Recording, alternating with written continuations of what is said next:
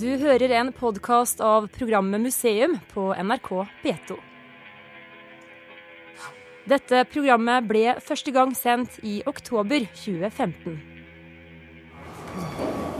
Det var Bente Engelsen. Ja. Det klinger flott i den nyoppussede stortingsresepsjonen. Museum er i dag på besøk i maktens korridorer. Vi er sammen med rådgiver i Riksarkivet, Bente Engelsen. Og nå skal vi treffe førstearkivar Tanja Wahl i Stortingsarkivet. Hun skal snart vise oss den originale proposisjonen til det første norske statsbudsjettet. Et eh, dokument som Bente Engelsen har brukt tid og krefter på å omsette i moderne versjon. Senere i programmet skal vi rusle opp til Finansdepartementet, som synes det er stas at det i år kunne legge fram to budsjetter.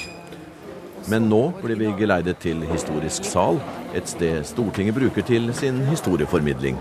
Altså, Vi er jo en litt sånn uh, limbo-situasjon om dagen. Ja. Uh, fordi vi har ikke, ikke har vi lesesal, og ikke har vi det vanlige arkivmagasinet Nobel og sånn. Fordi P26, eller Prinsens gate 26, bygges om. Så derfor så tenkte jeg rett og slett at vi skulle ha det her. Ja. I historisk sal. For det er jo det rommet vi bruker til historieformidling på Stortinget. Derav navnet Historisk sal, selvfølgelig. Eh, dette er jo tidlig arkivlokale til Riksarkivet, når Riksarkivet holdt til her eh, til å begynne med. Her var det flott. Veldig flott. Det blir en Så, fin ramme, det.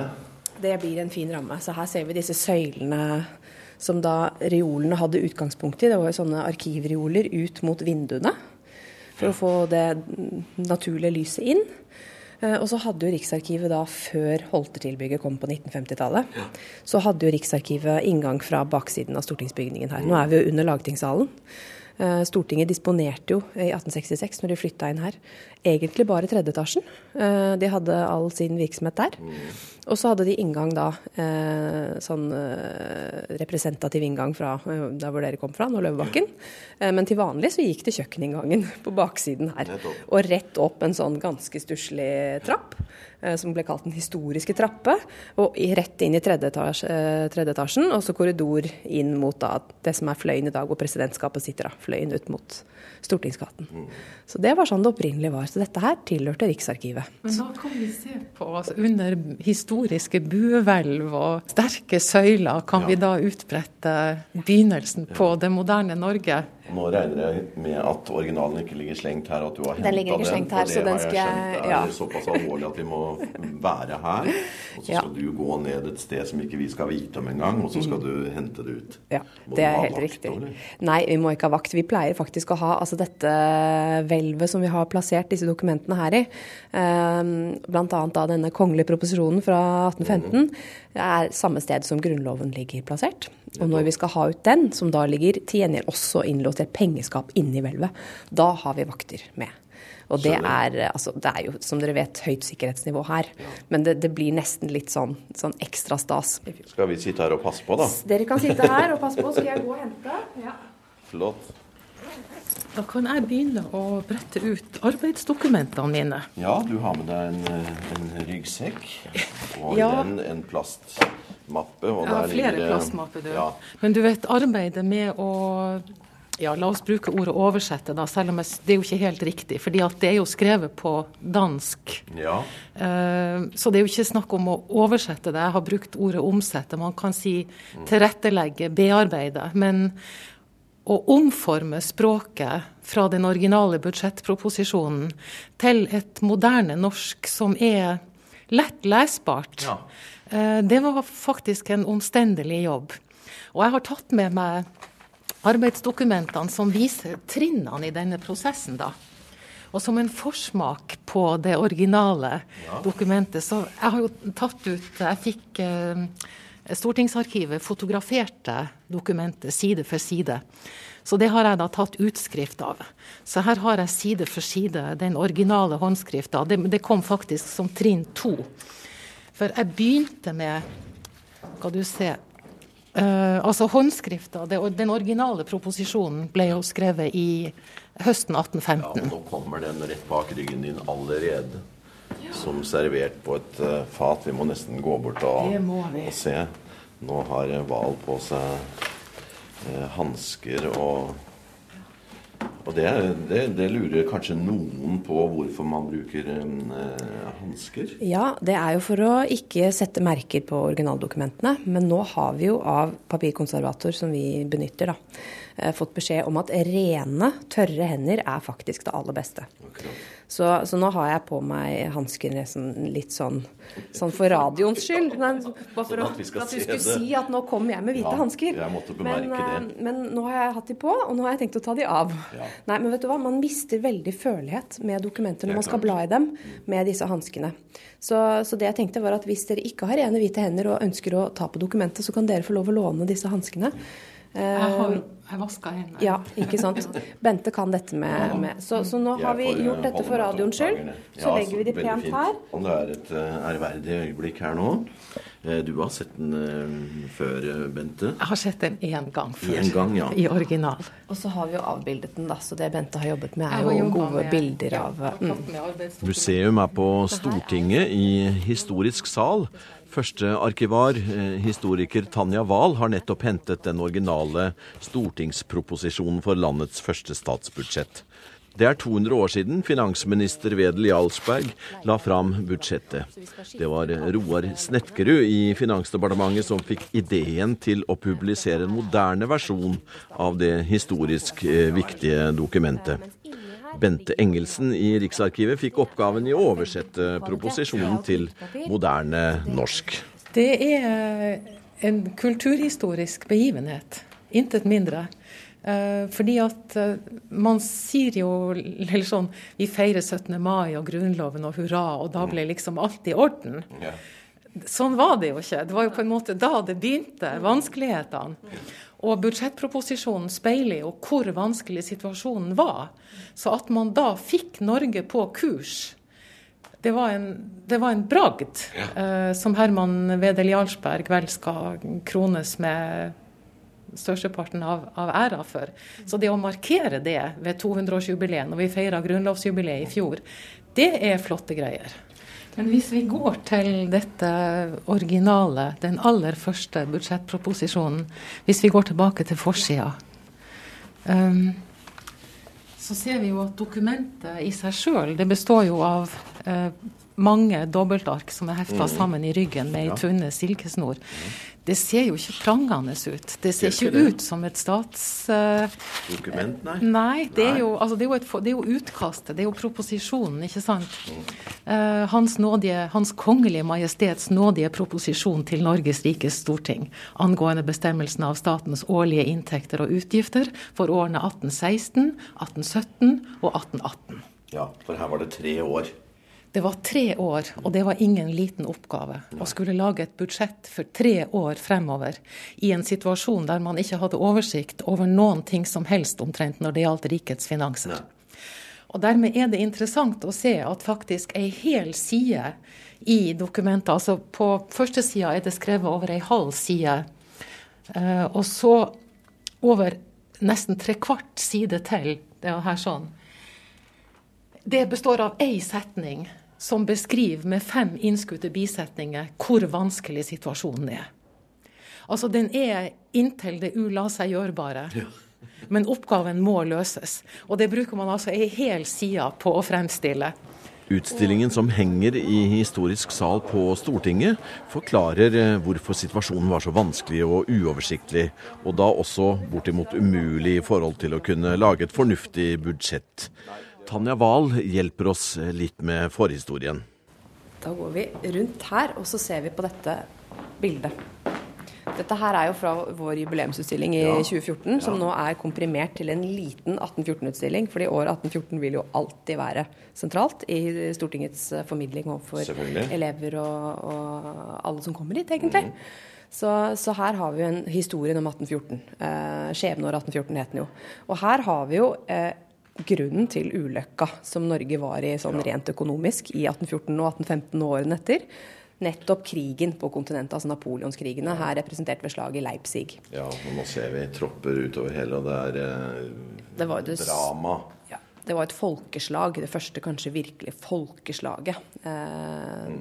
så, så, dette her er jo bakgrunnen, selvfølgelig. Krig og elendighet. Og eh, i perioden etter her ser vi en kopi av Stortingets kopi av Kiel-traktaten. Ja. det var jo det som da eh, gjorde at Norge ble overdratt da fra den danske kongen til den svenske kongen eh, i 1814, januar 1814. Og som da på en måte blir starten på alle disse begivenhetene i Norge med, med grunnloven av 17. mai og krig med Sverige og Mossekonvensjonen og en revidert grunnlov igjen eh, i november. Og da er man i en posisjon hvor man også i Kiel-traktaten eh, er nødt til å gå med på Nå var jo ikke Norge med i Kiel-traktaten, det skal jo sies. Dette var jo en traktat mellom to konger. Mm. Men det som skjer, er at eh, den svenske kongen, eh, egentlig eh, kronprins Karl Johan, som står bak dette her, arkitekten bak Kiel-traktaten, han må på en måte måte eh, anerkjenne her eh, at eh, han må ta sin del av den dansk-norske gjelden. Altså Norges andel av den dansk-norske gjelden tilfaller på en måte han. Det er jo han, hans ansvar å ordne opp i. Disse er i en stor gjeld til bl.a. pga. krigen med Storbritannia. i Danmark-Norge. Ja. Sånn at uh, dette her er jo litt av det som blir litt krise i Norge i årene etter. Altså man får forhandlinger i jeg tror det er i en fireårsperiode, ja, fra 1815 til 1819. Først da får man orden i dette, dette, gjeldsoppgjøret med Danmark, hvor Norge er nødt til å ta sin del av gjelden. Eller Karl Johan da, er nødt til å også pålegge Stortinget litt å ta sin del av gjelden. Ja, Han sa vel rett ut at hvis ikke Norge kunne betale sin del av den statsgjelda, så var de ikke å regne for en selvstendig nasjon. Nei. Simpelthen. Han truet med å gjøre Norge til en provins av Sverige, mer ja. eller mindre. Uh, så det er jo den, den, styggeste sak Norge har behandlet, tror jeg det ble kalt. Ja, det var et sånt reskript fra Karl Johan, uh, hvor han bare gir klar beskjed om at nå må dere ta deres del her. Uh, så, så, det var jo en av de største sakene Stortinget behandlet på den tiden.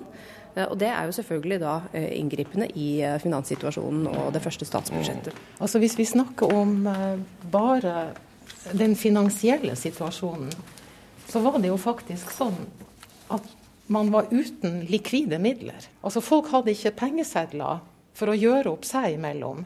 Eh, alt var stoppa opp som følge av napoleonskrigene. Så det var jo utgangspunkt for at Christian Fredrik da, i januar 1814 kom med Hvis jeg tok med en kopi her, kan du se her. En bekjentgjørelse i betraktning av den nærværende pengemangel mellom mann og mann, og for å sette rikets innvånere i stand til med større letthet å avdra de påbudne skatter. Altså man, Det var simpelthen ikke midler i omløp. Dette er 27.1.1814. Ja. Så utsteder da Christian Fredrik tre millioner riksbankdaler, de såkalte eh, prinsesedlene, med ulik eh, verdi. Og det er klart at det var sedler uten dekning i sølvverdi. Så gjett om det bidro til inflasjon, da. Men hva skulle man gjøre? Det jo det. Og Dermed så innfører Herman Wedel Jarlsberg en ny standardvaluta som har sin verdi direkte forankra i det som het Hamburg Banco, som var en slags ideal uh, regneenhet internasjonalt brukt, uh, der sølvverdien var spesifisert og garantert.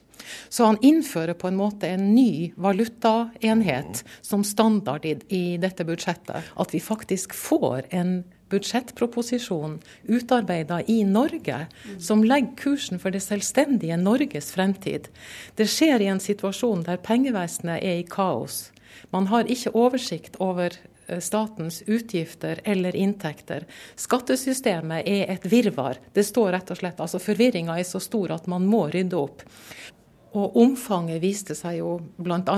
i 1816, da man måtte skrive ut denne såkalte sølvskatten, som egentlig var ei sånn tvungen aksjetegning i den nye Norges Bank. Folk måtte levere inn sølvtøyet sitt, arvesølv og småmynter over hele landet, høgd opp og gitt, gitt for at Norges Bank skulle ha et sølvfond, så pengeverdien kunne få et fundament. Og i 1816 får du også opprettelsen av Norges Bank, så man får skuta på kjøl. Og Francis Sejersted har skrevet et sted at, at altså, historien om Finansdepartementets første år er en ærerik historie. Har vi gått ja. Men vi slusa ut fra Stortinget. Skal vi sluses inn i Finansdepartementet? Ja. ja. Det er jo liksom de som bestemmer her i landet, har jeg inntrykk av. Ja, Bente Engelsen, nå kommer vi fra et uh, flott bygg, landets viktigste bygg selvfølgelig. Og eh, nå kommer vi til et annet flott bygg, og det, det er også viktig. Men uh, her inne sitter det en historieinteressert mann som er årsaken til at vi, vi, er her nå. Vi skal jo møte en entusiastisk byråkrat med sterk interesse for historier, nemlig Roar Snekkerød. Ja, og det er han som er årsaken til at du har fått jobben med å å oversette, eller omsette, som du sier, eh, dette gamle og det første statsbudsjettet. Skal vi se, her virker det veldig alvorlig, men Hei. Hei, hei. Velkommen til Finansdepartementet. Det var veldig hyggelig å komme hit. Jeg trodde jeg Takk i like måte. Ja. Hei, velkommen til deg òg, Bente. Ja, hyggelig å se deg igjen. Takk for sist. Eh, veldig koselig samarbeid. Og her har vi jo da det aller første resultatet av ja, det vi har gjort. Ja. Så flott. En diger ja. fane ja. stående i inngangspartiet ja. med bilder av det ærede dokument. Ja, og på onsdag morgen så uh, la vi fram eh, statsbudsjettet for 2016. Eh, og da var jeg fullt opptatt med å legge ut statsbudsjettet fra 1816, 17 og 18 her til de ansatte i departementet. Ja, så morsomt. Og det ble revet bort med en gang. Ja. Det fortjente det. Det var enklere å lese kanskje enn en, en årets. Heldigvis så har vi hatt veldig dyktig arbeid uh, av Bente til å få dette på plass for oss. Uten dette så hadde det ikke vært mulig, tror jeg. Nei. Nei. Det er spesialister på det meste i det norske samfunnet i dag, i motsetning til den gangen. Statsråden var glad for å kunne stille til dette posisjon akkurat for dette intervjuet. Ja. Det er et, eh, det er et fantastisk flott rom. Museum eh, blir eh, tatt imot av kommunikasjonssjef Runar Malknes i møterommet til finansminister Siv Jensen. Og i tillegg til seniorrådgiver Roar Snedkerud, er også spesialrådgiver, tidligere finansråd i departementet Tore Eriksen til stede. Og han understreker at departementet er bevisst på sin egen historie. Vi er i statsrådens møterom i den gamle regjeringsbygningen. Og det er her statsråden har sine møter med staben her og eh, med eh, eksterne. Her er det en lang historie, og alle finansministre siden Finansdepartementet ble til høsten 1814, er da portrettert her. Fra Vel Jarlsberg og til eh, Siv Jensen. Der oppe har vi den, ja. Der har vi Wedel Jarlsberg øverst til venstre, og så følger de på rekke og rad. Og i denne, denne siden her av rommet så er det som du sier, bare menn. Slik det var den gangen. Eh, ja, og så har jeg lest nå uh, Alnes bl.a. som skriver at uh, dette var en, en uh, mann som det står stor respekt av, og som kom med den første proposisjonen, det første statsbudsjettet. Han la fram det første statsbudsjettet for Norge. dette var et budsjett for tre år, 1816 til 18. Dette var viktig i nasjonsbyggingen for Norge. Det var et veldig fremsynt budsjett med en ordentlig inntektsside, en ordentlig utgiftsside, og de to balanserte. Og han tok til og med høyde for at staten kunne bli nødt til å ta opp lån. Så ba også om en fullmakt fra Stortinget til det. Eh, og nå er det jubileum, og det, det har nå Finansdepartementet greid å, å markere ganske spesielt. Og det er eh, Roar Snetkerud som, eh, som er idémakeren. Hvordan kom du på det? Nei, jeg visste jo at vi hadde lagt fram et budsjett for 1816 til 1818, og at det var 200 år siden. Umiddelbart så visste jeg ikke hvor budsjettet lå hen. Det originale budsjettet fra 1816.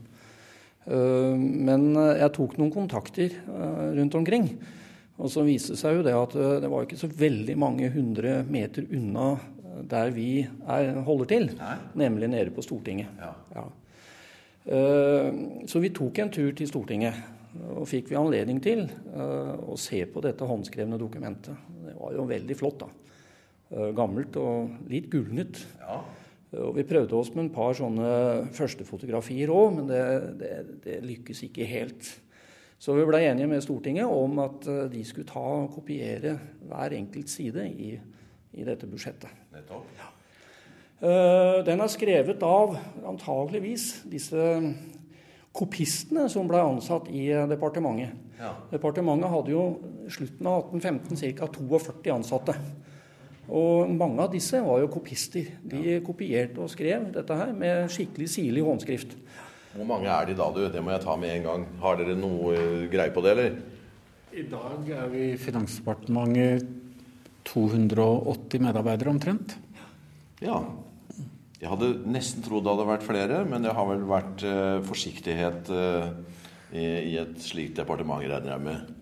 Det er et eh, effektivt departement. Og dessuten så har det vært et mål hele tiden å holde seg innenfor denne bygningen, ikke ekspandere utover i byen. Så, så bygningen setter grenser her for uh, hvor mange vi kan være. Akkurat. Men du, denne historieinteressen både av ansatte og, og, og ledelse, er det, er det noe egen forening her, eller er, hvordan uttrykker den interessen seg?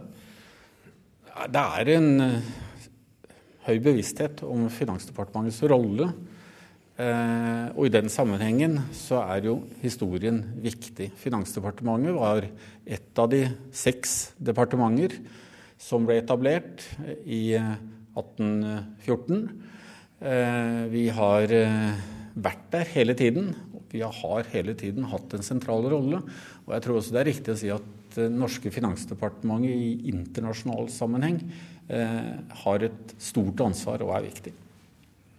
Det er jo interessant også I 1814 ruva jo Finansdepartementet i kraft av sin størrelse og antallet ansatte, og med Norges betydeligste politiker Herman Wedel Jarlsberg i spissen, altså dominerende over alt annet. Det er uten sammenligning viktigste departementet. Jeg må jo si at eh, prosessen har vært veldig morsom og spennende. Ikke minst fordi at eh, vi her har hatt et samarbeid med eh, Riksarkivet. Vi har hatt et samarbeid med Stortinget. Vi har også hatt et samarbeid med Øyvind Heiterem i Norges Bank. Og ikke minst så har vi eh, hatt et samarbeid med forfatter Karsten Alnes. Og det har hatt veldig mange runder på innhold, også med trykkingen av dette budsjettet. Husk på det at her er 48 fotnoter. Så vi beskriver da veldig mye av vanskelige ord og uttrykk som var i 1814, på godt norsk i dag. Og, det er det du som har ja. jobba veldig mye med? Eh, det ble klart nærmest fra første side eh, da jeg jobba med dette. Det dukka opp uttrykk som jeg ikke visste hva var. Det første jeg ikke Altså én ting var disse valutaenhetene som skapte kaos. Eh, men så, det første ordet som var vanskelig for meg, det var ordet skyldspesies. Altså Det er en type valuta, åpenbart, ikke sant? for vi snakker om spesies. Men skyldspesies, hva var nå det for noe? Jo, det, går, det skriver seg til landskylda, som da er den avgift, årlige avgifta som skulle betales av, le, av leilendinger. Ja. Og det ble regna ut fra altså størrelsen på jorda. Men skyldspesies det antyder den ble ikke betalt i penger. Den ble, talt, ble betalt i råvarer, rett og slett. Altså korn, mel, smør osv. Eh, og bare det å rydde opp i det, det ulike antall skyldspesies som skaper stor forvirring, står det i budsjettet. Så det var første fotnote. Greit. Og derfra bar det bare videre og videre i ja. altså alle disse småskattene som Herman Wedel Jarlsberg fant det nødvendig å rydde opp i hva det heter, dragonholdskontingent, hestehjelpspenger, damstokkskatt, engsletteskatt. Uh, you name it. Eller altså, vi har ikke navn for det lenger. Så eh, der måtte det historisk gransking til, og forklaring. Under arbeidet med særutgivelsen av 1815-budsjettet har departementet av 2015 faktisk funnet en feil. I så måte var pioneren 1815 ikke noe bedre eller dårligere enn våre dagers finansdepartement. En morsom anekdote det er jo om den regnefeilen som ja. Eh, man har oppdaget nå. Er det regnefeil i det første budsjettet? sånn holder vel ikke selv, dere på? Å jo, vi, det er uh, vanlig prosedyre når vi har lagt fram et budsjett, at uh, i løpet av kort tid går et trykkfeilsbrev oh, ja. til Stortinget. Ja vel. En kommer ikke utenom i så, så hektiske prosesser som det er snakk om, med så mange tall, så mange dokumenter, at det er en del feil. Ja, det så det er noe av det Finansdepartementet jobber med med en gang budsjettet er lagt fram, det er å rydde opp i alle feil overfor Stortinget. Skjønner. Men da er det jo tradisjon på det, da, for det var også i det første. Ja, her ser du at uh, summen på landmilitæretaten, så er det to summer. Som her er tatt inn en totalsum på 580 670 riksdaler. Men hvis du ser nærmere på tallene, så skulle det jo vært 480 670. Men vi har gjort en etterregning av det som da står her etter par i kurs. Og det tallet på 384 670 spesidaler, det er korrekt. Akkurat. Ja. Men du, ja. Så vi har jo lurt på om vi burde sende et uh, trykkfeilbrev til Stortinget. Men uh, har vel, har vel funnet, funnet ut at det antagelig ikke har noen betydning for Stortingets behandling av neste års budsjett. Så det er mulig vi lar det være. Du har nå hørt en podkast av programmet Museum fra NRK P2.